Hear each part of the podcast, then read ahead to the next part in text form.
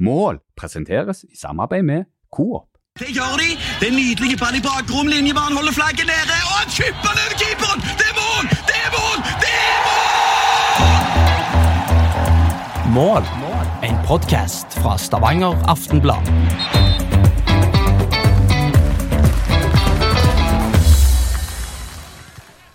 Hjertelig velkommen til podkasten Mål. Og i dag så skriver vi historie. Dette er verdenshistoriens første målepodkast. Og vi skal gi deg alt om lokalfotballen. Og det er ikke hvem som helst vi har med oss eh, her i dag. Vi har med oss Aftenbladet sin lokalfotballekspert Bjarne Berntsen. Klepp-trener Ørjan Grødem. Og Frøyland-bauta Roy Henrik Heggelund. Og det er ikke helt tilfeldig at eh, de to siste er gjester her i dag, for det Frøyland Klepp den er plukket ut til å bli neste lokalfotballkamp som sendes på Aftenbladet. Den spilles fredag klokka 18.30. Og Ørjan, hvorfor er dette her oppgjøret så spesielt?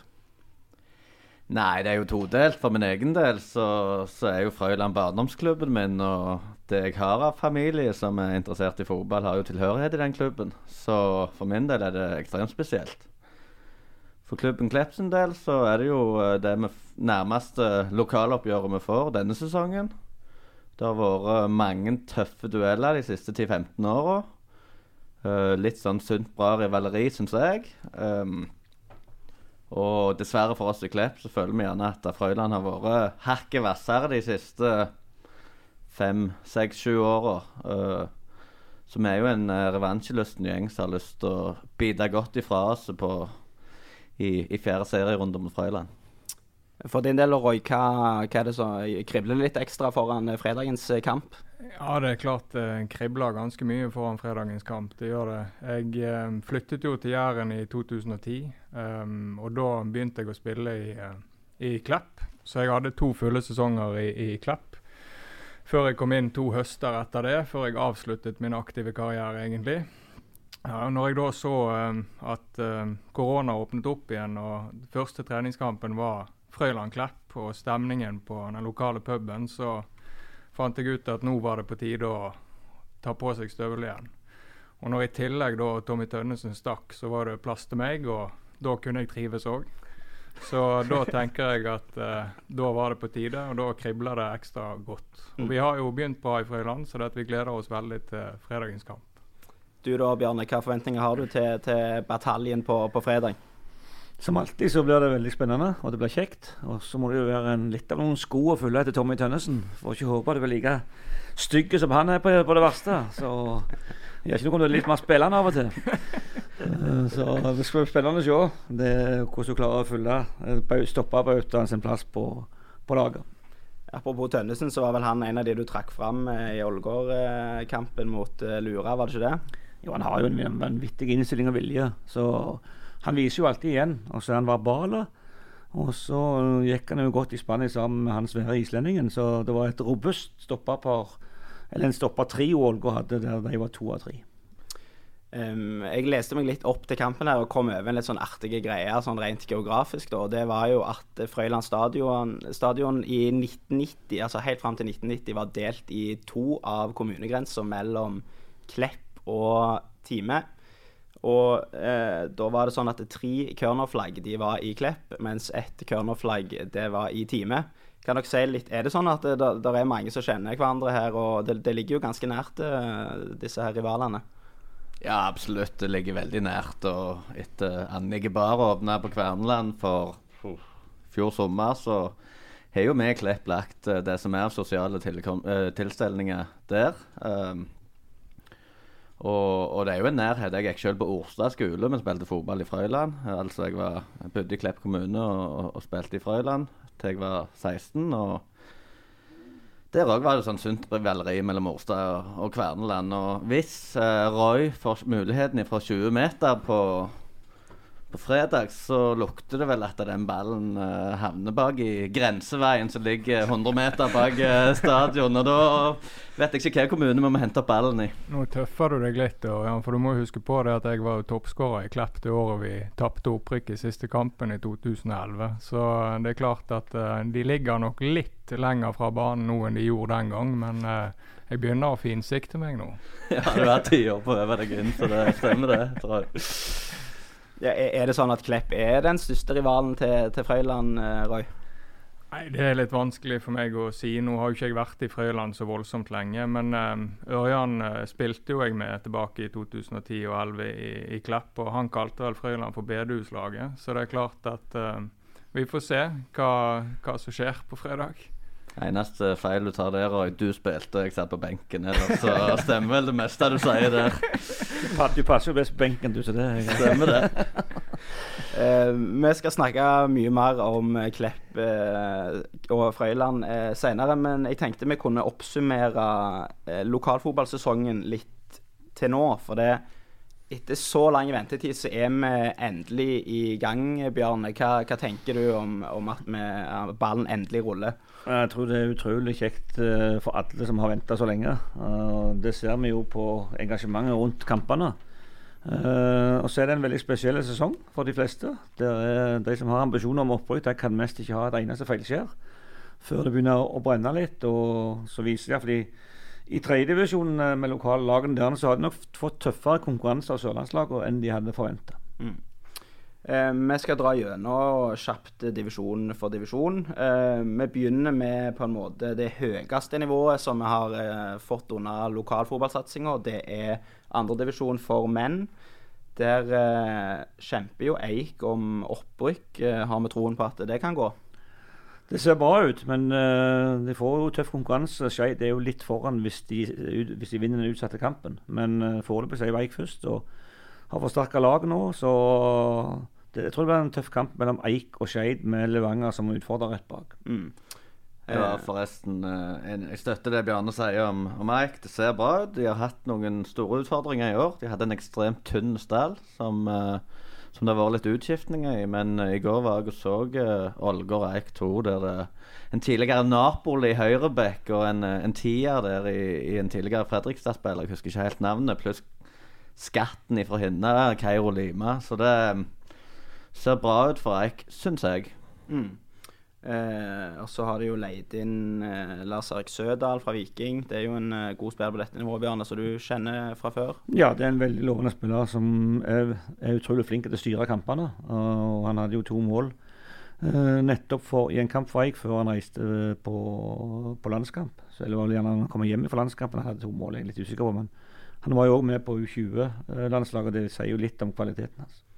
Og så ser det ut som Stian Micaelsen har fått litt sving på sakene. Har vel åtte mål nå og en del målgivende. Eh, kjekt å se at han endelig eh, lykkes. Ja, Talentet har jo alltid vært enormt. Det har jo bare vært snakk om å få det ut i uh, tellende resultat med mål og målgivende. Og Det ser det ut som han har knekt en liten kode nå. Så får vi håpe at det fortsetter, for han er på det beste så er han utrolig god. Mm. Eh, I andredivisjon for kvinner, avdeling fire, der det er mange lokale lag, så får vi jo kanskje den thrilleren som vi håper på, da, med, med Viking og Bryne i toppen der. Eh, hvordan vurderer du styrkeforholdet der? Jeg tror det er jevnt. Eh, Bryne er litt mer eh, erfarent lag, mens Viking er jo veldig ungt. Eh, kan bli avgjort Det kan godt være det blir avgjort, ikke blir avgjort før de møtes innbyrdes veldig seint i sesongen. Og de har iallfall ikke råd til noen store feilskjær før den tid, hvis de skal ha, ha Men så er det jo bare det bare, Å vinne pulje er bare første steget. Det er jo ganske tøft uh, før du får endelig avklart om du rykker opp eller ikke. Ja, jeg støtter det Bjarne sier. Uh, noen unge talentfulle har Bryne òg, men uh, på søndag spilte Eirin Bjerkreim Kleppa, som for øvrig er fra Frøyland, Roy. Venstrekant. Kampen før var vel midtstopper, så de, har et par rutinerte der. De har en, eh, en storskårer i Marte Johannessen og, og, og så videre. Så mm, jeg syns Bryne ser bra ut. Uh, kjenner ikke jeg så godt til Viking, men jeg syns jo de, de blinker seg ut begge to som eh, to meget sterke lag i den avdelinga, da. Så har vi jo Lura Stål, som eh, fort kan få en kamp for å overleve. Stål med ett poeng, og Lura tok sin første seier, en historiske seier faktisk, i helga. Borte mot Stord. Eh, de har jo Line Krogedal Smørsgaard bl.a. på topp der, sammen med Bjørg vel, Bjørnadottir ja, og Marie Bakke er vel det, òg er et rutinert lag med tidligere storspillere som, eh, som koser seg og trapper ned litt av satsinga si i Lura. Det var veldig kjekt at de holder på så lenge. Det er jo ikke akkurat vært lett å få med jentene tidligere lenge nok. Så jeg syns det er kjempepositivt at eh, spillere med, med den CV-en som de har, fortsatt bidrar i lokalfotballen på kvinnesida. Helt enig. Jeg har jo sjøl ei god venninne, i Marte Hole, som tidligere kjappe kant for Klepp. eh, Spiller midtstopper for Lurane. Og, og, og ei Malin som jeg gikk i klasse med på Bryne videregående. Det er ganske voksent lag, Lura. Det, som Bjørn sier. Det, det er kjekt å se at det, vi trenger ikke gi oss med fotball så tidlig som gjerne har vært trenden før. Eh, og tredjedivisjon for menn var vi òg innom. Eh, der er det jo Vindbjart som leder to poeng foran Mandalskameratene og Stål.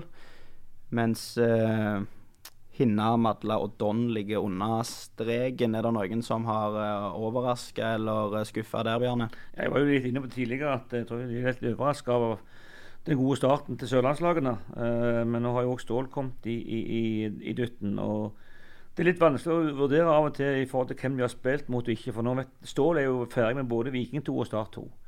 De fikk jo en skikkelig på karamell mot Start 2 når Start eh, sitt første lag ikke hadde kamp den helga. Da var det jo et veldig sterkt Start 2-lag som kom til Jørpeland.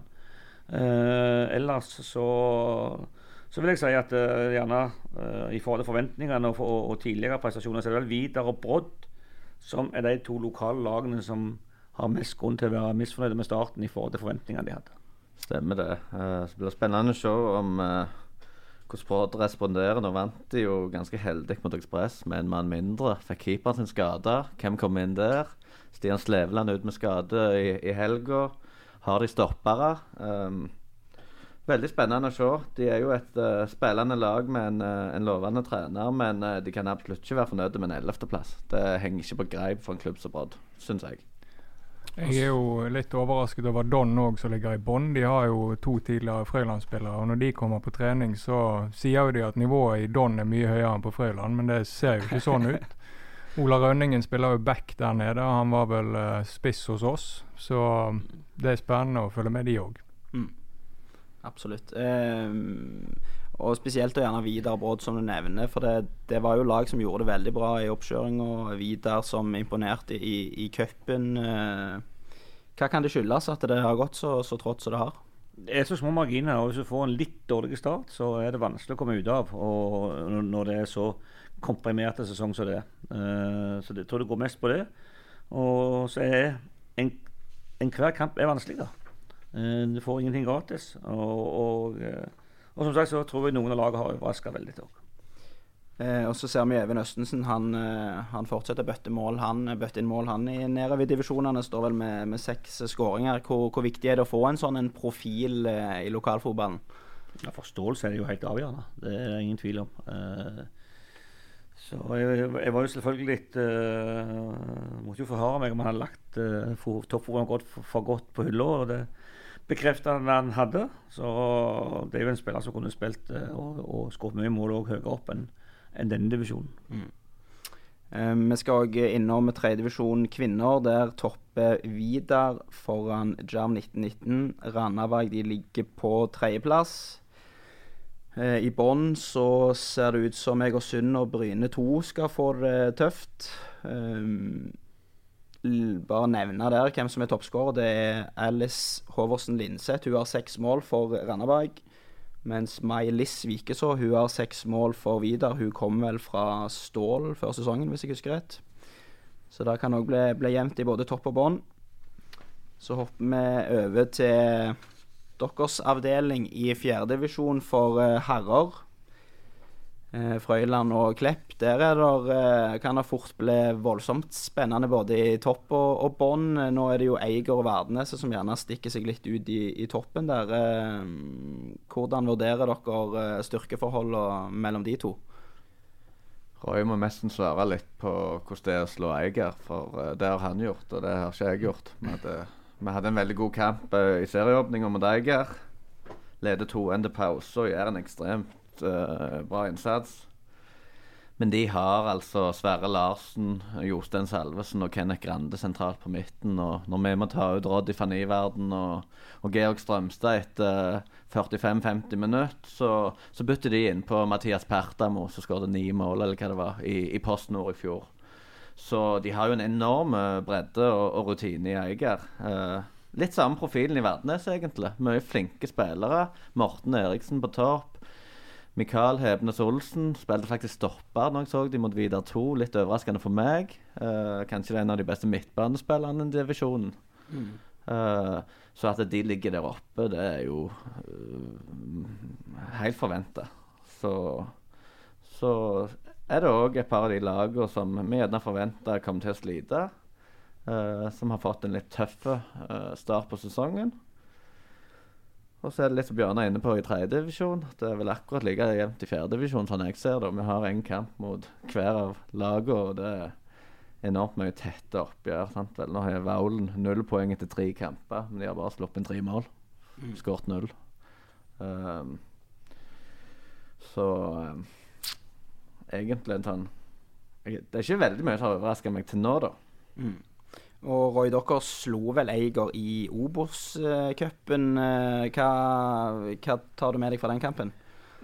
Det er De manglet jo disse mest sentrale par-tre spillerne sine i den kampen. Um, og jeg vet ikke hvor mye det er preget de, men det er klart at de var jo et veldig, veldig spillende lag med en litt uh, overraskende formasjon offensivt så var jo de nesten ute i en 2-4-4, tror jeg. Um, så hvis du hadde kjørt taktisk mot de, så tror jeg du kunne klart å bryte ned formasjonen. Men det er klart det er veldig veldig mange gode ballspillere i det laget. Uh, men jeg føler vi er fullt på høyde, om ikke bedre, i den kampen vi uh, spiller mot de.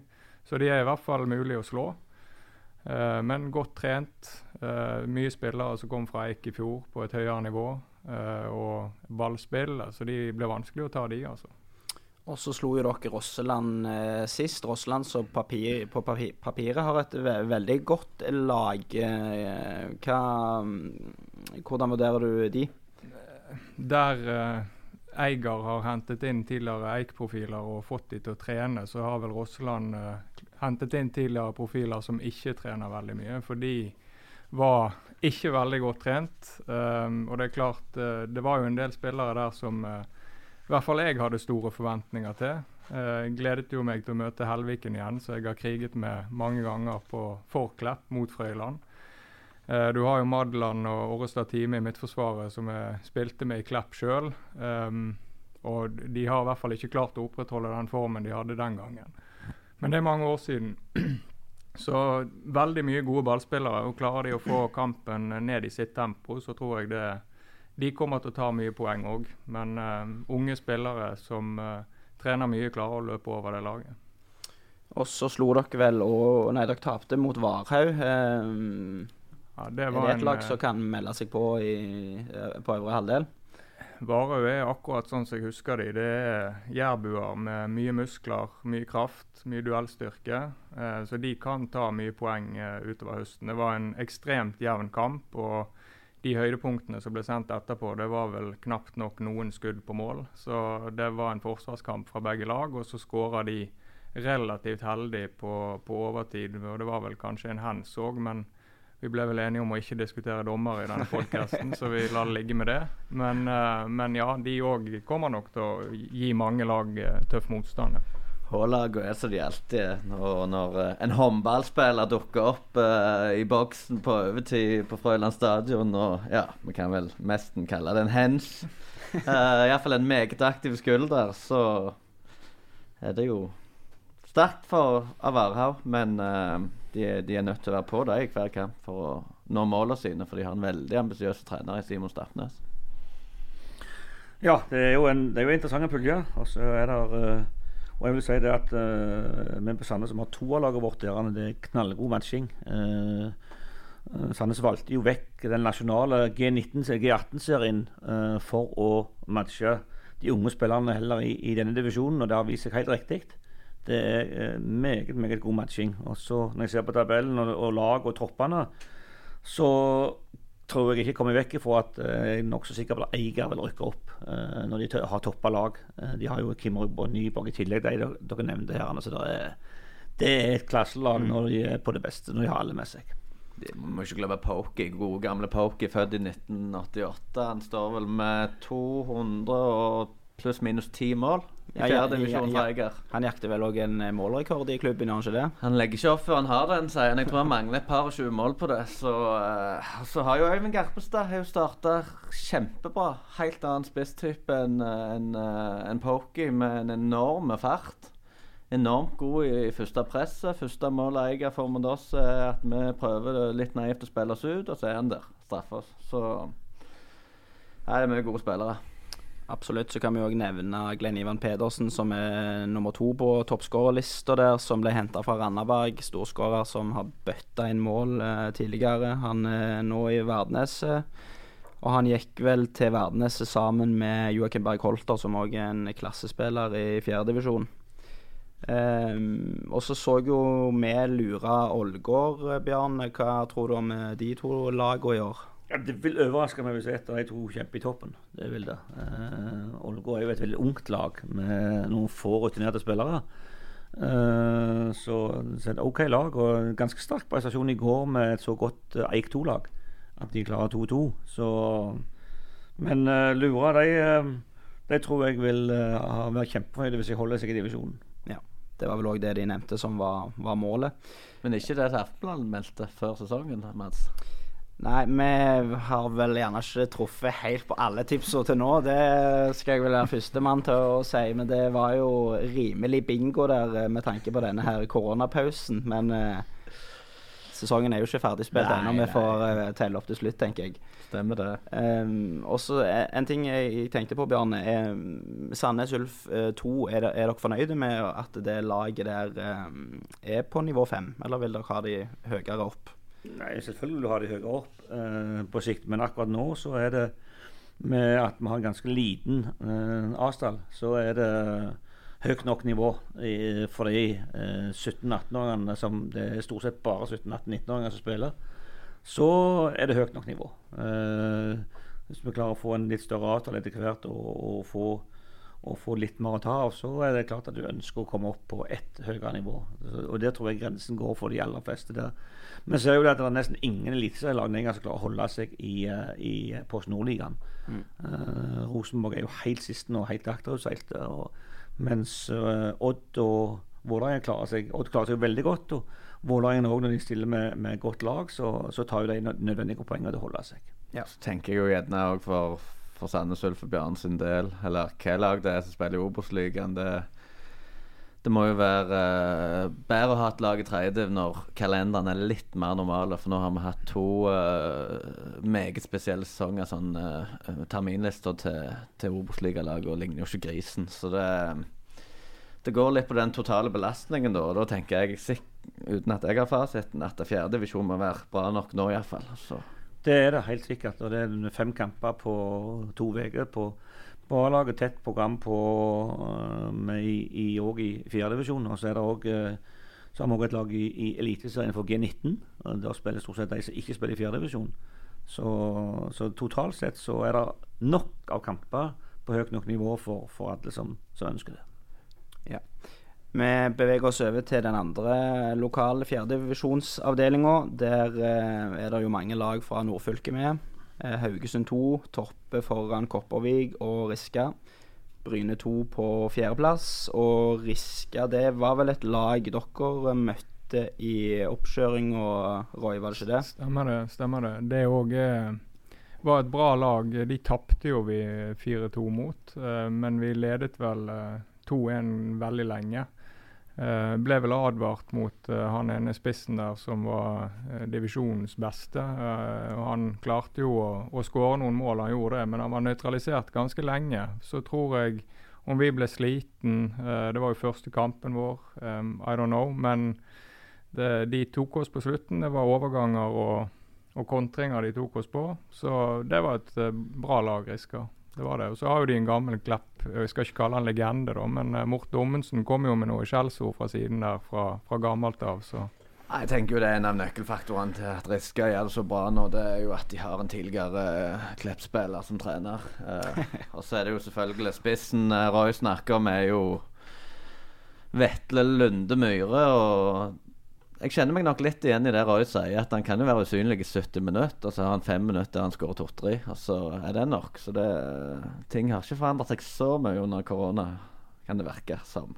Han står med syv mål på tre kamper, så han eh, vet hvor målet står ennå, han, eh, tydeligvis. Um, og eh, Bryne 2 har jeg òg tippa oppi der. De står med full potty på to kamper, så Ja, de òg er jo De har jo et bra uh, Hva skal jeg si?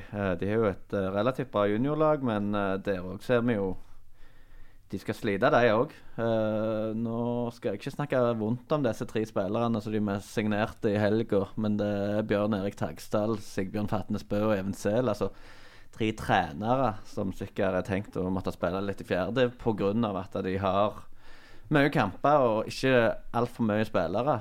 Og da jeg tror Bryne òg er meget fornøyd om de bare får en bra sesong og får, får matcha de her unge talentene sine på en god måte. Og så har vi jo SIF. De ligger på femteplass. Fem poeng på tre kamper. De har jo en som du kjenner godt, uh, Bjarne, som trener i Stian Refvik. Hva tror du han kan få til med, med sitt SIF? Stian er en flink trener, en liten luring. Så skal ikke se vekk ifra at SIF i år òg trener veldig litt Viking. Han er jo på, på alle treningene der, så han får go mye god inspirasjon fra Morten og Bjarte, er jeg sikker på. Så men jeg tror deres ambisjon er å, i år å, bare stabilisere seg i divisjonen. De har jo vært mye opp og ned og, og fram og tilbake. Så, så, så, er det noen lag helt nederst som sikkert vil ligge der når sesongen er ferdig òg. Det er jo noen lag som har veldig tynne uh, spillerstaller i forhold til tidligere. Så ja. kan det være helt avgjørende for, i forhold til opprykket at Kobbervik vant mot Riska nettopp. Uh, som kan være, det kan være sånne små ting som avgjør det. Så har jo òg Haugesund 2 stilt ganske greie um, lag i de kampene de har vært med i, med en del fra laget. Og så er det jo Havdur, Sunde, Austrått, Randaberg eh, som ligger i bånn der, og det er vel som spådd at de fort kan få det tøft. Eh, Randaberg kanskje skuffa litt med ett poeng på tre kamper. Det er jo en gammel storhet som var, var vel i førstedivisjon så seint som i 2011.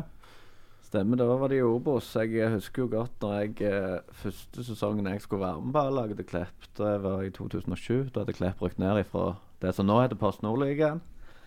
Og Fred Ingebrigtsen kom og klinte inn millionavis på bordet, og de signerte Peter Rankovic, Øyvind Svenning og Betty og det som var.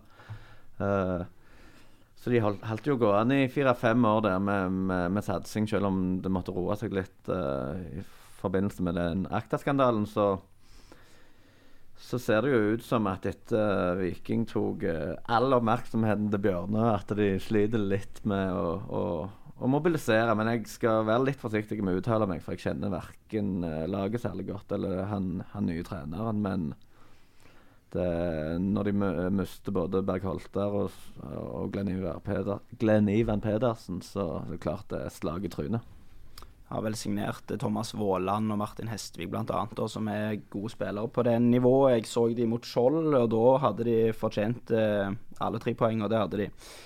Um, men, men FKH har jo en veldig stor stall, ja. og det er klart at hvis de uh, fortsetter å stille et stort, sterke lag, så, så, så, er det jo store favoritter til å vinne pulja. Mm. Men nå kjenner ikke jeg reglene, jeg har ikke lest opp alle reglene i detaljer, men jeg er ikke sikker på om de kan rykke opp. Noen sier de kan, og noen sier de kan ikke. Så Pga. den spesielle sesongen. Så det, det, er jo en viktig ting å sjekke opp i mm. for de som har ambisjoner om opprykk. iallfall. Eh, vi beveger oss over til fjerdedivisjon kvinner. Det er ikke spilt så veldig mange kamper. Noen lag har kommet i gang. Eh, Brodd de står med fire poeng på to kamper. Og topper avdeling én I den andre avdelinga er det, det samarbeidslaget mellom Havdur, Klepp og Sola som topper med full pott, seks poeng etter to kamper. Og da kan vi òg nevne at eh, Camilla Vølstad hun står med ti mål på to kamper. Det er jo meget imponerende. Det er sterkt. Så eh, tar vi femtedivisjon, eh, avdeling én. Der er det Hofserad som topper med like mange poeng som Tonstad. Og helt på bånn der ligger Moi. Hva tenker vi om det? Jeg tenker det at det er mange Moi som syns det er helt forferdelig å se den tabellen. Eh, Moi har jo da historisk alltid vært storebror og bare fått eh, plukka alltid de beste spillerne fra Hofstad uten noe problem. Og eh, når du da ser at gjerne de beste spillerne før denne sesongen har gått motsatt vei, og, og du ser tabellen nå, så må det være meget tunge dager på Moi akkurat nå. Ja, jeg er relativt overrasket. Altså, dette er jo den divisjonen Klepp egentlig skulle, spilt i. Altså, når Klepp ansetter en uh, trener uten noe som helst erfaring, så, så, så, tenkte jeg at den divisjonen der skal vi klare oss greit i. Men uh, jeg hadde aldri trodd han skulle se sånn ut. Nå er det bare spilt tre og fire kamper, da. Men uh, Hvor mye kan skje. Men uh, overraska, altså Bjarne sier av, av Moi og Hofsarad, selvfølgelig. Uh, Brusan uh, har fått en OK start, ligger på tredjeplass. Og så er jo våre naboer på Klebe da, de er jo òg i en litt sånn uh, i hermetegn unntakstilstand. De har jo hatt et legendarisk 02-kull.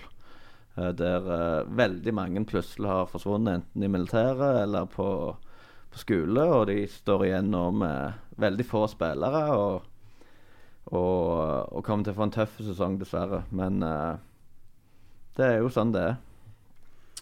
Og så kan vi jo gjerne snakke om eh, storskåreren Joakim Ødegaard, som eh, gikk fra Moi til nettopp Hofserad. Står med syv mål. Seks av de målene tror jeg kom i samme kampen. Eh, har trent med, med Eik. Hvor, hvor, god er han? Veldig godt spørsmål. Det er jo altså Når jeg la en plan før korona om hvem, hvem vi skulle møte og, og hvem vi måtte se opp for, så var jo Joakim Ødegaard en av de første du du ville finne ut mer av. Og så kom aldri den sesongen i gang. Så jeg had, og de gangene Klepp har møtt uh, Moi i fjerde tidligere, så, så, har jeg bodd i Bergen. Så jeg har faktisk aldri sett fyren live. Jeg bare vet at han har et uh, instinkt foran mål som, uh, som til og med Eik uh, har fatta interesse i. Og jeg snakket med Oshan faktisk her for et par uker siden. Og han gir seg jo ikke vekk på treningene, selv om han sikkert har det er et nivå opp i forhold til det han er vant med. Mm. Ja, altså han, altså han er ikke noen unggutt lenger. Han er vel i slutten av 20-årene, gjerne passert 30 òg, omtrent. Ja, men, eh, rundt 30, ja. men notoriske målskårer. Jeg skal så han eh, i aksjonen for, for Moi mot Figge for noen år siden. og da løpte han ifra alt som var, og var en enorm fart og gjennombruddskraft som, som spiss og en sikker avslutt. Så er ikke overraska over at han fortsetter å bøtte inn mål. Og han kunne helt sikkert iallfall bøtte inn mål minst to divisjoner høyere eller som, som Hofsarød er nå i. Mm. Vi hopper over til neste avdeling, avdeling to. Der er det Fors og Gausel som topper foran Gandal og Sandve. Buøy de ligger rett bak. I bunnen så er det Havørn og Oltedal som har fått en blytung start, og begge står med null poeng der etter tre og fire kamper. Hvem holder vi som opprykksfavoritt der? Nei, Godt spørsmål. altså Sandve har jo en uh, fin tropp. da. Vi har fått inn uh, Andreas Vestly, Mikael Klungtveit, uh, Markus Velei fra Vigerstad litt, sikkert litt tidligere Ulf junior og sånn. Um, så det er jo et uh, Altså, dette er en kjekk avdeling, syns jeg. Uh, ser du på Buøy, så har du jo uh, Vidar-legende Daniel Berntsen som trener, i lag med Martin Haaland, hvis jeg ikke tar feil. Um, Vold, våre naboer der, har jo Paradise Hotel-stjerne Mario Santos på topp. Uh, mens jeg faktisk ikke kjenner så godt til Forus og Gausel. Så uh, det blir spennende. Uh, det kan jo òg Litt skremmende at du kjenner til ikke kjenner for Rose Gause, men du kjenner til hva var det kaller for Paradise, Paradise Hotel? Paradise Hotel ja. Du skal ikke skimse av Paradise Hotel. Jonas Gahr Støre uttalte vel i et intervju at han syntes det var spennende med denne kulen på slutten. Så nå er han statsminister, så Nei, men uh, Jeg må, unnskylde meg, jeg vet ikke det engang, men det Nei, Til mitt forsvar der, Bjørn, så er jo Santos han er jo egentlig Klepp-gutt og, og, har jo vært med oss uh, egentlig helt fram til 2019, så han er kjent egentlig siden pga. familie siden han ble født. Um, mm. Men uh, også når jeg ser på toppskårerlista, så er det jo lite overraskelse der. Yngve Hagen kunne jo òg spilt i tredje hvis han hadde hatt vilt og hatt tid. Um, Eirik Bergli er en meget spennende spiller for Vold. 0-3, tror jeg. Og Henrik Jensen òg er jo et uh, en mann å følge med på Gandal. Så uh, lite overraskelse, og det som er positivt for de i bånn her, da, det er jo at uh, Julabygda har truk trukket laget. Så det kommer litt vel an på Jeg vet ikke hvor mange som skal ned der. Fra den Ja, muligens ingen, tror jeg. Ja. Eh, Det kommer vel litt an på hvordan det går i Hvor tredjedivisjon. mange Rogalandslag som rykker ned Ja. Så Ja. kan bli null. Som i Hugo Figgen-fan så håper jeg selvfølgelig blir null, men Mm. eh, det ser jo relativt eh, greit ut med åpningen der i forhold til noen av de andre lagene. Så. Men Ja. jeg tror ikke de har noen ambisjoner mer enn å holde plassen. Så har vi jo Bogafjell, som eh, var en liten sånn outsider kanskje til opprykket. De har fått en litt tung start. ligger midt på tabellen med fire poeng etter tre kamper.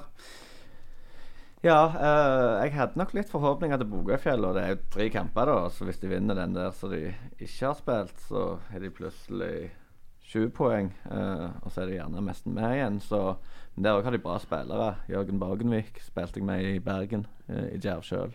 Fine mann. Ante trener de jo, mye fotball i han. Nå så jeg jo han eh, den tidligere Viking junior som var kaptein i starten. Han hadde gått tilbake til, gått til Sandnes Ulf. Ja. Anders Him. Anders Him, ja. Himia. stemmer. Eh, så det tror jeg svekker Bogøyfjellet litt, men de har jo en bred tropp. Sikkert mye spillere å ta av, og det virker som det er en klubb i, i god utvikling, da, om vi kan si det sånn. Mm. Men de hadde jo et stort tap mot Gandal nettopp, så det virker som at de ikke har, nivået inne til de aller beste lagene i pulja. Ja. Eh, Siste femtedivisjonsavdeling og lokalt, det er avdeling tre. Der er det Midtbygden som topper. Gjerne ikke så veldig overraska. De er vel storfavoritter til å rykke opp. Litt mer overraskende, syns jeg, er at Mastra ligger på andreplass med like mange poeng. Det ser ut som de har eh, fått sving på sakene ute på, på Mosterøy. Ja, jeg ser de uh, spiller 3-2 mot Tasta, og så får de eh, uavgjort mot Verdeneset 2. Så det, det Jeg føler jeg har spilt med Mastra én gang, og det var ikke kjekt å komme ut der i, i havgap med vind og fullt av galskap. Så det Fort gjort så de kan hevde seg, men jeg er enig med deg at det, det er litt overraskende, selv om jeg ikke kjenner den pulja så godt. Men for meg kanskje litt overraskende Kjensvoll med null poeng etter to. Ja, både Ja, så er jo, så er jo Siddis på tredjeplass, men de er ubeseira. De har vunnet alle sine tre Mm, kamper. mm. De har jo spilt én kamp mindre enn de andre, så de har jo fått en veldig god start. Så var det vel en uh, litt, litt uh, dumt for fotballen at det var et lag som måtte trekke seg.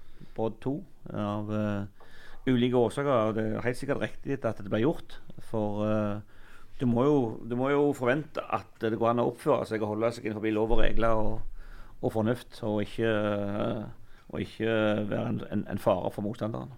Ja, en leie sak der hvor uh, Finnøy sendte en bekymringsmelding etter å ha møtt dem, for hvor de reagerte på, på oppførselen. Og i neste kamp så fikk Brodd to, to røde kort. Så da valgte Brodd til slutt å, å trekke det laget fra divisjonssystemet. Ja, og det har vel vært litt støy, for det har jo mest vært et lag i, klubben, skulle jeg si, et eget. Og nå har jo de overtatt bra 2 sin plass. Uh, 2019-sesongen så hadde Bra et rekruttlag der uh, A-lagsspillere juniorlagsspillere uh, bærte det. Men de er sikkert ikke nok folk, de heller, sånn som mange andre, til å, å serve. Uh, to seniorlag, og da Veldig synd for. Vi eh, Hvis de vil bygge klubb, så er de nødt til å ha toerlag, tenker jeg. Og, og da må de begynne på ny igjen. Men uh, that's the part of the game. Jeg tror det, her var, det var det som heter Brodd Polonia før, som uh, var et, e- et eget lag i, i klubben. Og selv om det er en vanskelig avgjørelse, så virker det til å være en veldig riktig og tøff avgjørelse av klubben å ta et så en så upopulær avgjørelse for mange spillere. Mm.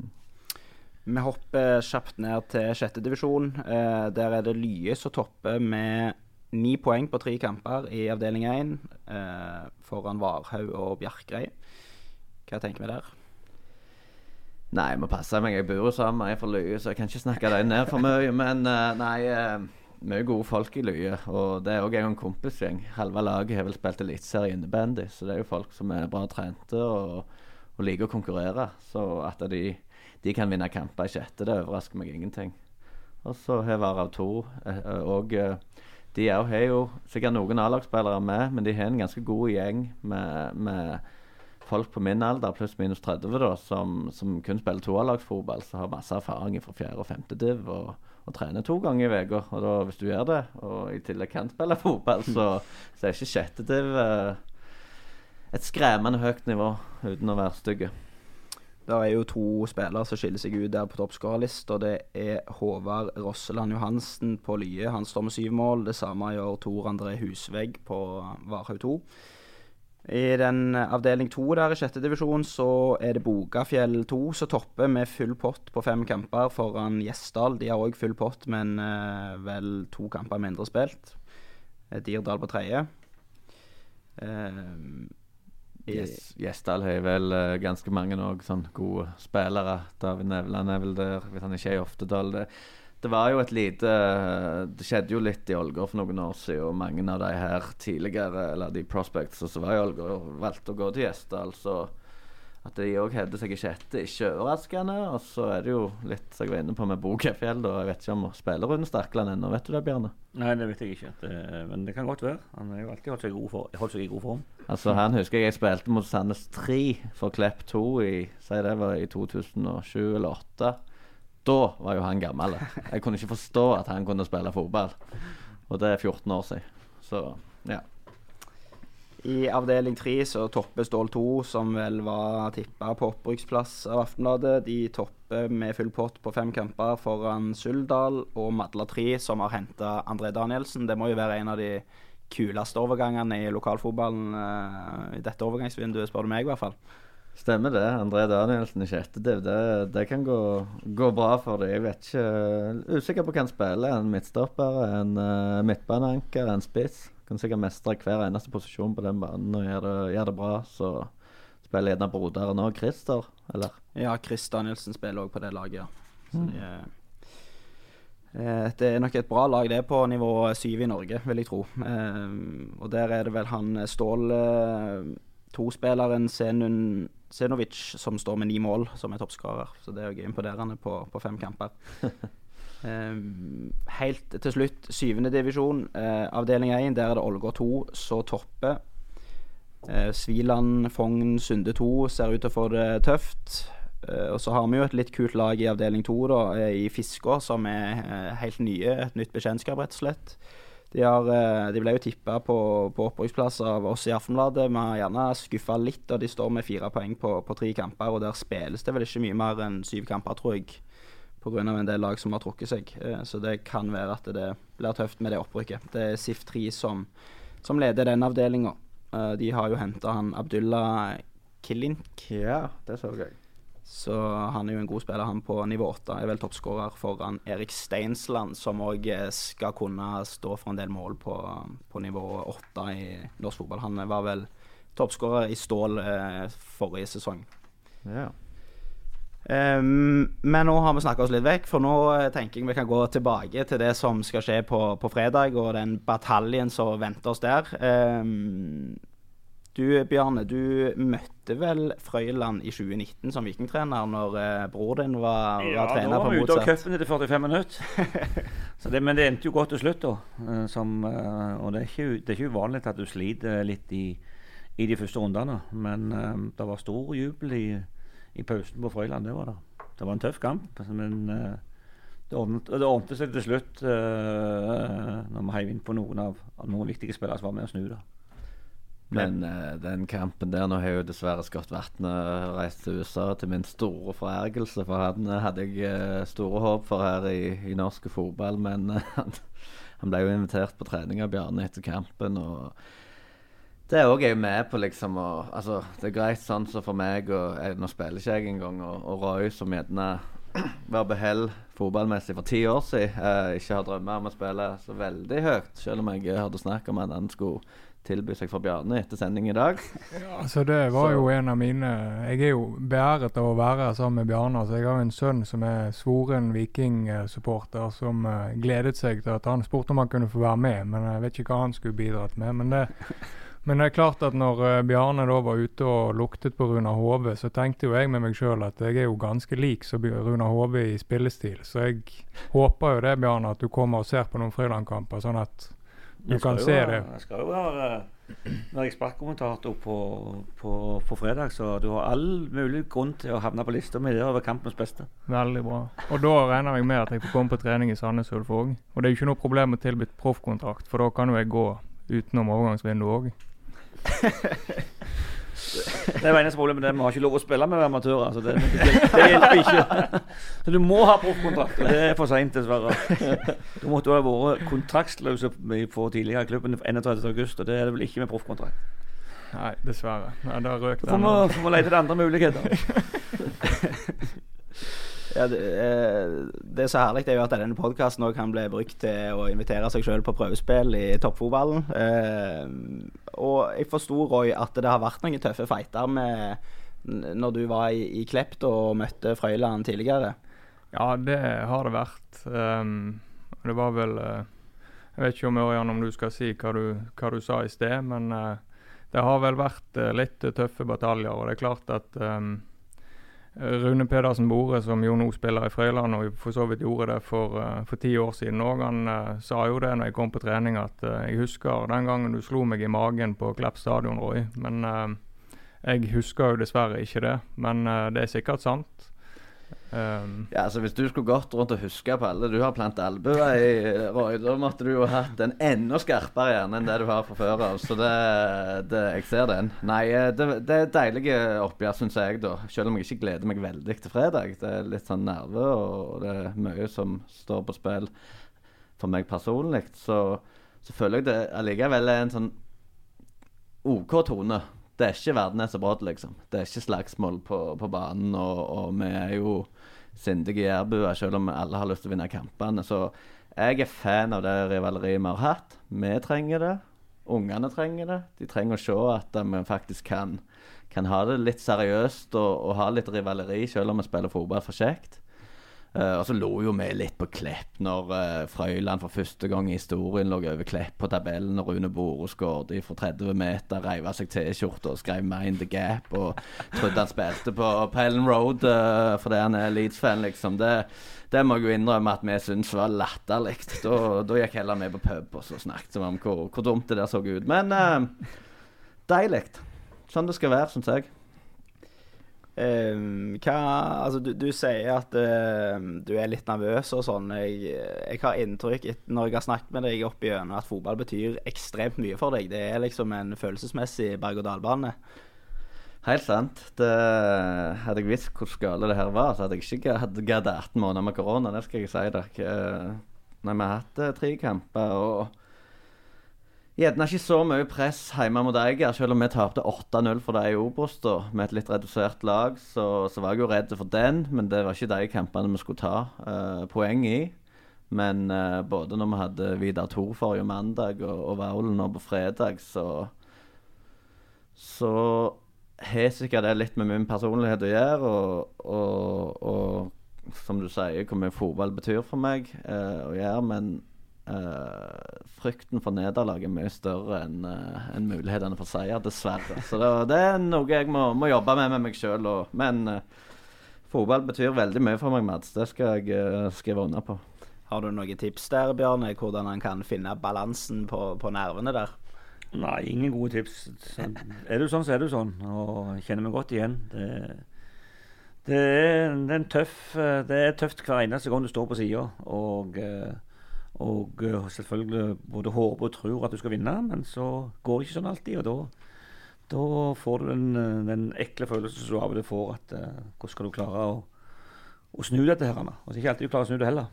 Det er sikkert. Men det er jo en av grunnene til at jeg har begynt å spille fotball igjen. Jeg har hatt ni års pause, men det er klart denne der garderobefølelsen og sitringen når kampdagen kommer, og hva skal jeg spise i dag, har jeg sovet godt i natt, eh, er jeg klar, er jeg fysisk klar? Altså Det er jo noe veldig, veldig spesielt. Jeg har jo brukt de siste ni årene til å trene ungene, og det gjør jeg for så vidt ennå, men du er jo like spent da når du møter et lag som du er egentlig når du spiller sjøl. Men uh, det, det er litt adrenalin som du mister hvis du ikke er med i dette her. Ja, det kjente jeg veldig på. Jeg hadde jo fem år i Bergen jeg, eh, der jeg ikke spilte. Jeg spilte en, en, litt grann på, på sånn Djerv 2-tullelag der folk kom og gikk når de ville. og Vi, vi dreide vel i om vi tapte eller vant. Det var ingenting for meg. Så jeg har jo sagt det uten at jeg liksom skal si at uh, vi skal være dødens seriøse. Så har jeg i hvert fall lært meg at skal du først bruke tida di på noe når du er voksen, så må du prøve å gjøre det så skikkelig som mulig. Må jo spørre, ni år vekke fra fotballen. Jeg har jo prøvd å ikke trene i noen uker og føler meg jo he helt som et dass når jeg eh, prøver å jogge igjen. Hvordan eh, har du tatt vare på kroppen? Nei, eh, jeg så på et bilde av meg sjøl for, eh, for to og et halvt år siden, og det er 25 kilo siden. Så korona gjorde jo faktisk eh, meg veldig godt eh, med, gjennom at jeg fikk tid til å trene. Så da var det på tide å gjøre comeback i fotball igjen, og jeg fysisk var i stand til det. Så jeg er nok i bedre form nå enn jeg, når jeg ga meg i Klepp i 2012-2014. da. Eh, så det er bare å komme seg ut og løpe og komme i gang, Mats. Og Ronaldo er vel òg 36 år. Er det noen paralleller å dra der, eller? Ja, altså Jeg hadde jo ikke tenkt at, uh, at jeg hadde skulle dra den parallellen eller sammenligningen, men siden du gjør det, sant, så er det klart at jeg, eh, jeg har vel ca. det samme kostholdet og, og treningsregimet som Ronaldo. Det er vel 3000 situps for dagen. Det, jeg ligger tett oppunder det, altså. Vi skal fyre mye Det har vel ikke du i år engang. Det har jeg sikkert ikke hatt siden si, uh, bror din uh, sendte meg ut av Bryne videregående en gang for, for 11 år siden, Bjørn. 12 år siden. Så det, det skal jeg være ærlig på. Uh, og så skal vi fyre litt i Roy, og jeg kommer til å plage han litt på fredag og alt det der, men eh, Roy er jo en supermann. Jeg husker når han kom til Klepp-garderoben. eh, han jobber Begynte på bånn i PwC. Han kom på trening, hadde gjerne vært oppe fra fire-fem om morgenen på de hardeste tidene. Kom sånn som nå i dress på trening. Små unger hjemme. Men han vel- fant alltid tid til å trene, og han var alltid påskrudd når han var der. Og det, det tror jo jeg fotballen Altså, det ser vi jo. Uh, fotballen og trening generelt har jo effekt på hjernen. Vi, vi blir mer på, vi får til mer. Så gir litt creds til, til kona di, Roy, men men du, du vet at du må jobbe hardt for å oppnå målene dine, og det, at du kunne komme tilbake nå i en alder av 36, det overrasker meg egentlig ikke.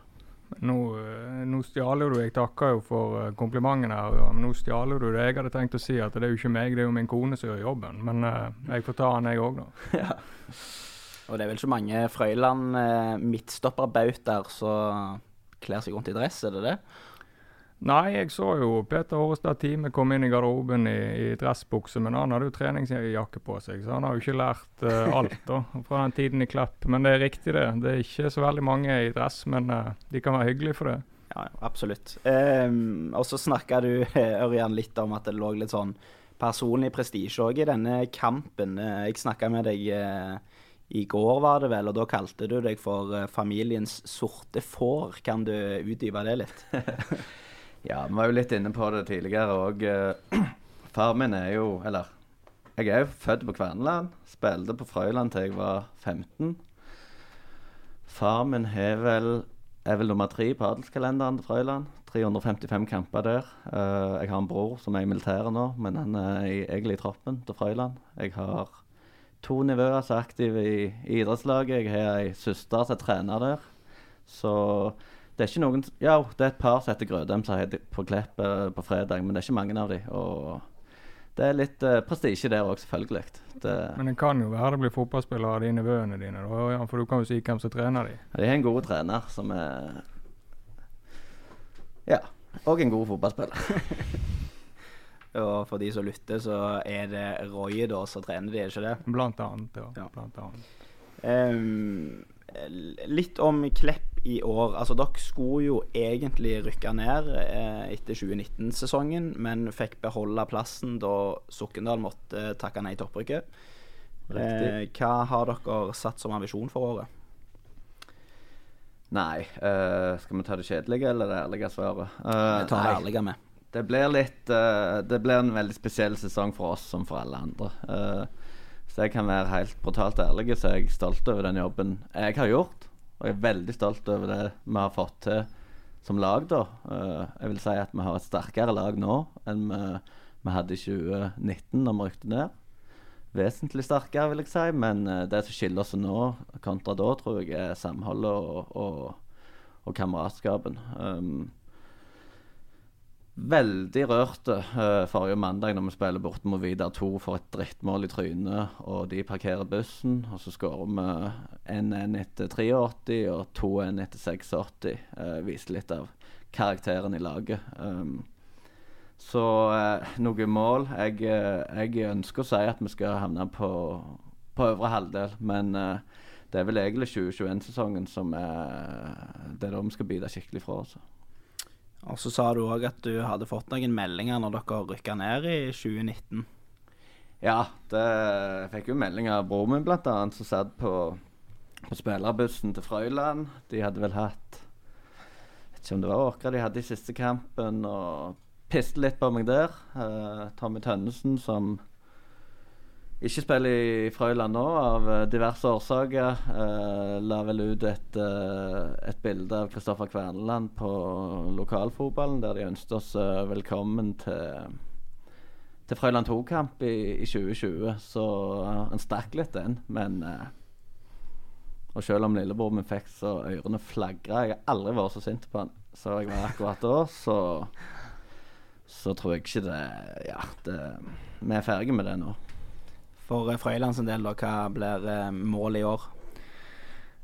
tror ikke vi har noe eh, veldig uttalt mål, for å være helt ærlig. Vi ønsker jo å, å spille fotball og ha det gøy og få noen gode opplevelser. Så det satser vi på å få på fredag mot Klepp. Det blir veldig bra. Um, og det er jo Altså, vi i Frøyland spiller jo en Jeg kom jo fra Klepp med Henry Damsgaard, som kanskje noen ikke vet hvem er, men uh, der var det stort sett eh, bra sleie og lange baller. Eh, nå i Frøyland så er jo det forsøk på spill. Eh, så hvis noen analyserer eh, hvem av midtstopperne til Frøyland de skal gå på når det er småspill ut bakifra, så tror ikke de trenger å bruke lang tid på det. For det er en ganske annen type fotball enn det jeg er vant til. Så, så det er jo gøy eh, å prøve noe nytt, men eh, samtidig utfordrende. Eh, både Klepp og Frøyland har jo spilt høyere i divisjonssystemet. Er det sånn at Klepp er fornøyde med å spille i fjerdedivisjon, eller? Nå skal ikke jeg svare på vegne av styret og, og ledelsen i Klepp, for det er egentlig ikke mitt ansvar. Men uh, hadde jeg hatt evig med tid på denne jorda og ikke en jobb utenom, så hadde iallfall jeg hatt som klart mål om å, om å ta Klepp opp til tredjedivisjon. Det tror jeg Klepp som klubb er rigga for, uh, og det er jeg helt 100% overbevist om at hadde gagna både Eik, Bryne, Ulf, Viking osv. Nå er det null lag i tredjedivisjon mellom Sola og Mandal. Og selv om det ikke er så langt fra Sola til, til Klepp, så, så, er det et skrikende behov for en, en tredjedivisjonsklubb på Jæren. Og om det blir Klepp, eller om det blir Frøyland, eller Varhaug satser jo nå, det, det vil tida vise, men uh, min mening er jo at vi, vi absolutt bør på sikt uh, bestrebe oss etter å komme opp en divisjon. Det er ingen tvil om at mange av de lagene som, som du nevner, herrene, har anlegg som gjør at de har uh, kunne godt spilt uh, minst ett nivå høyere opp. Det er jo det som kjennetegner mye av disse klubbene. Fantastiske anlegg. Uh, både banemessig og klubbhusmessig og fasiliteter likevel. Det, det er imponerende å se. Ja, og stadionet vårt sto vel, vel klar i om det var 08 eller 09. Jeg ble kåra til toppseriens beste et par ganger. Det, det. Men, men det, det, ble litt hvilepute for Klepp, da. Det, når jeg kom til Klepp i 2006, så var halve laget Bryne 2-spillere. Eller folk som ikke kom gjennom på Bryne.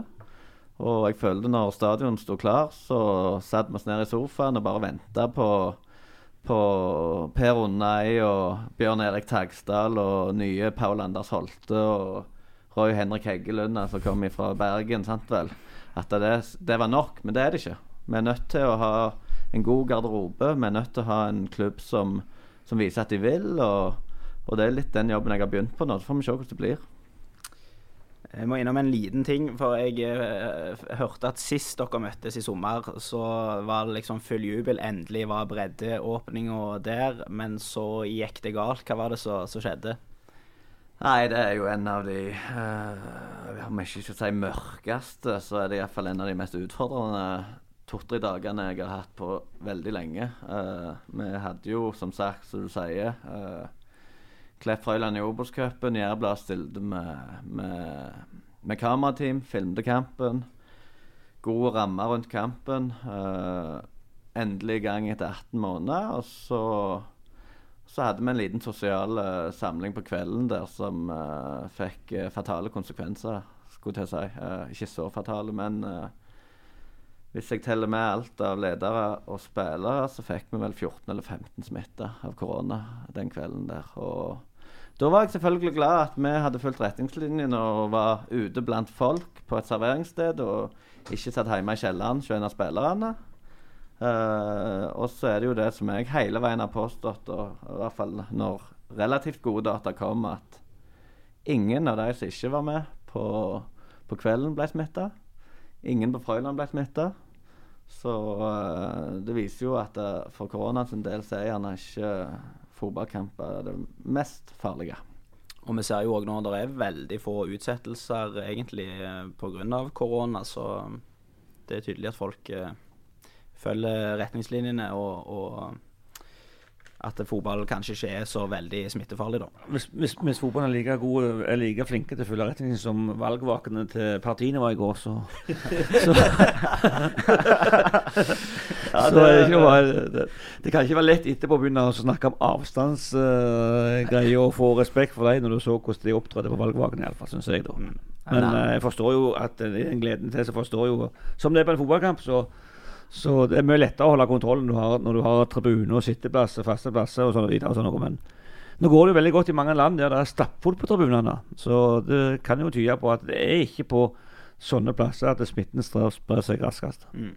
Også, men jeg må jo innrømme det at de der to-tre dagene For det, det, er en spesiell situasjon. Eh, Du får en telefon om det var mandagskveld. Så sier han ene spilleren at nå er helvete i gang. Han er, skal, er smitta. Og smittesporinger rett på telefonen. Uh, og så bare detter det inn. Tirsdagen. For hver time som går, så er det en ny mann som ringer deg. 'Nå er jeg smitta, jeg er smitta, jeg er smitta.' Så begynner du å tenke. Vi hadde jo trening på mandagen. Uh, hvor har disse folka beveget seg på mandag, tirsdag, onsdag? Altså, Du får en sånn angst, og du føler deg jo litt ansvarlig selv om du bare har fulgt retningslinjene. Så det, det var ikke en kjekk situasjon. Absolutt ikke. Men uh, alle spillerne, det er fint. Ingen som fikk noe særlig med symptomer og så videre. Nei, det var et par. Det var jo litt sånn, Vi har ledd av det nå i ettertid. og eh, Keepertrener Magnus Haaland lå jo en dag foran de fleste. Så å, nå kommer hosta, nå kommer feberen. Å, gru deg til i morgen, da begynner musklene å verke. Så det var litt sånn korona minutt for minutt der en stund. Men eh, det har gått uh, ganske bra med Eller det har jo gått bra med de aller fleste. Det er et par det har hunget litt igjen ikke, og det er litt overraskende. Men det er faktisk et par av de som har vært best trent, som har merka det best på formen etterpå. Men uh, nå er de fleste friske og raske. Det er bra. Eh, og på fredag så nevner jeg igjen, da er det kamp. Hvor mye vil det bety med en seier der, eh, Roy? Det vil bety mye. Det er klart at eh, det at jeg har min lokalfotballhistorikk fra Klepp eh, nå og er i Frøyland eh, for øyeblikket, så det vil bety mye. Hadde jo håpet å møte en del eh, gamle Klepp-kjemper, da, men nå er nå det Ørjan på benken og Magnus Haaland på benken. Daniel Storø har vel i utgangspunktet meldt sin tilbakekomst, men jeg har ikke sett han i startoppstillingen. Så det hadde vært gøy. Men, eh, men ja. Nei, det var jo som du var inne på. Frøyland var de seriøse når vi var unge, og vi var bajasene. Og det merkes jo på de som er rundt 30 nå. De, det har satt sine spor. Så selv om Daniel har meldt overgang, så har han Han sliter med korsbånd. Men um, han er jo med som, som hjelpetrener, han òg. Så han har sikkert lyst til å fortelle noen vitser til Roy før kampen. Det er jo gode kompiser. Uh, så er det jo egentlig bare tre poeng vi slåss om, selv om det er sinnssykt mye prestisje. Så spilte jo dere sammen i eh, Klepp eh, tilbake i tid. da. Har dere noen eh, gode minner sammen? Ja, altså Jeg vet ikke. Roy kom i 2010. Da ble jo jeg sendt på døra av Tommy Welde. Så den sesongen spilte jeg i Rosseland. Rykte opp uh, til tredjedivisjon. Så kom jeg tilbake under Hen Henrik Damsgaard.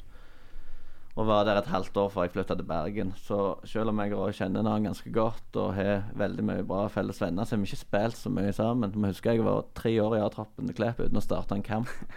Så vi har vel knapt et minutt i lag på banen. Men uh, det var mye lott og løye rundt, og det var, det var god gang. og jeg husker godt han der brautende bergenseren vi traff for første gang nede på treningsleir i, i Aalborg. Og ja, det Du traff meg ikke på treningsleir. Jeg var jo gammel allerede da, må du huske. Ørjan. Så det som vel skjedde, var vel at jeg satt på båten fra Bergen til Danmark, og så kom dere på i Stavanger, og det var jo ingen som visste hvem jeg var. Så første spørsmålet var jo skal du være med som oppmann, sier de. Så, så jeg vet ikke om jeg var dårlig trent eller bare så gammel ut, men, eh, men det var i hvert fall tilfellet. Ja, stemmer det. Men det var en god tur det i, i, i Danmark, ja. Um, med en historie. Jeg vet ikke om du er noen gode fra Klepp-tida, Roy? Jeg eh, har ikke noen gode historier. Jeg har tenkt litt tilbake, men det er klart den sesongen i 2011 når vi begynte med seks minuspoeng fordi at eh, en eh, av Klepp-lederne glemte at utenlandske spillere måtte ha oppholdstillatelse eller visum for å spille fotball, gjorde jo at vi, vi måtte begynne sesongen etter med seks minuspoeng. Uh, fordi at Vaul mente at de skulle holde plassen sin eh, året før. Eh, de hadde vi ikke fått noen poeng i de kampene disse to serberne spilte, så hadde vi vel eh, havnet ett poeng bak Vaulen og rykket ned. Da hadde de holdt seg. Så hvorfor de laget så mye styr, det får jo noen andre forklare. Men, men den sesongen der i 2011, når vi vant ni eller ti seire på rad, og seks av de var på Sørlandet med poseturer hjem og det, det, var, det, var, gøy. Det var stort. Det var mye sang og moro på bussen. og Vi hadde vel sågar nesten et hjerteinfarkt på en av lederne som viste seg å ikke være det. Men, men eh, nei, så det, det, var, det var gøy. Det var en kjempekjekk sesong med Henrik Damsgaard i spissen. Mye innsats, lite taktikk, mye gode spillere. Uh, Tapte opprykket i siste kampen mot, mot Eik. På overtid. På overtid, ja. Der jeg for øvrig ikke fikk spille fordi at jeg Fikk gult kort i kampen før mot Brodd når vi vant uh, fire eller 6-1. Så det, det, er jeg faktisk bitter for den dag i dag. Jeg hadde jo gledet meg lenge til å komme utpå mot Eik. Uh, og så jo for meg situasjoner der med, med Stian Sleveland som spiss og meg som midtstopper. Det, det hadde vært stort, men uh, det gikk ikke. Det er, sikkert, det er sikkert at verken du eller han hadde sittet her da hvis den duellen hadde vært der. det er nok helt riktig, det. altså. Vi, uh, vi er vel uh... men, men, der er jo Roy inne på én ting. altså Det var primitiv fotball i 2011. Det var uh, enkelt og greit. Um, men det var et lag. Det var jo kompiser som gikk gjennom vegger for hverandre. Og når du krydrer det med Vi hadde Dag Håvard, Tveit Fossen og, og Roy som stoppere. Morten Ommundsen som trener Riska i dag på bekken. Uh, Jokke Førland. Og du på benken? Ja, jeg flytta til Bergen halvveis, for jeg så jeg fikk faen ikke spille i, eh, i, i, eh, i Rogalandscupen engang. Så um, Jokke Førland med elleve klubber før han kom til Klepp, eller hva det var, sentralt på midten, sammen med Lassi. Uh, Stian Bore. Stian Bore på venstre kant, og så ikke minst Rolly, da, som hadde mer, kamp, mer mål enn treninger i 2011. uh, Rolly Olsen. Uh, så det var jo en litt sånn crazy gang der som fikk til mye lag. Og, og, jeg var litt sjalu på liksom at jeg gikk glipp av den høstsesongen. For det, det var grævla kjekt, og det satte sine spor. Men jeg føler jo òg litt på den bitterheten som Roy kjenner på. Tape opprykket for Eik på overtid. og Uten å kritisere Klepp for mye, da, så føler jeg at lufta gikk litt ut av oss da, for ti år siden. Den, eh, på, på, overtid der, og vi har liksom aldri klart å hente opp de kreftene igjen etterpå. Så vi må se framover. Mm. Og uh, se framover. Neste kamp allerede fredag. Eh, Aftenbladet viser Hva tenker dere om det? Er det noe som kan sette litt ekstra nerver på, på spill eh, i kampen? Ja, Når jeg i tillegg hører at Bjarne skal vurdere meg som midtstopper for Sandnes i den kampen, så er det klart at uh, da blir jo jeg nervøs, iallfall. Men uh, jeg tror ikke vi kommer til å bry oss særlig mye om det. Det Kameraet har for så vidt stått der uh, egentlig i hver kamp, så jeg tror ikke noen kommer til å tenke over det. Nei, jeg tror òg det at uh, mot kampen så kan det godt være at det setter en liten spiss på det. Eller det, det setter en spiss på det. All honnør at dere sender det, og det er veldig kjekt å se Aftenbladet komme ut og gjøre og dekke fotball. Uh, så at folk kjenner litt på nervene før kamp, det, det tror jeg. Men jeg tror òg at når, når, det nærmer seg og det begynner å dra seg til, at vi, vi klart skal være fullt fokuserte. Og så gruer jeg meg òg litt til å bli evaluert av Bjarne etterpå. For hvis det ikke er gode overganger, god omstilling, så blir jeg vel fort slakta, tenker jeg. Nei, nå har du Jeg, jeg syns synd om det nå var tre år på, i gruppa uten å starte en kamp, så nå skal jeg være veldig snill med deg på fredag uansett. Klarer vi et resultattips eh, til slutt? Jeg kan begynne. Jeg eh, både tror og håper at det blir målrikt. 3-3. Roy? Nei, Vi har jo vunnet 4-2 tidligere, så jeg tenker det er et ganske greit tips. Ja, jeg syns det er vanskelig å spå en sånn kamp. Vi spiller 1-1 uh, i juni, så hvis vi sier 2-2, da, så tror jeg iallfall ikke jeg får store kjeften. Bjarne? Ja, det, det blir bare sånn ut Jeg er veldig dårlig å tippe, altså. Uh, 2-1 til ett av lagene.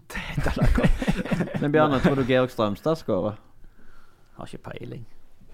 Nei, han venter jo på sitt første mål nå.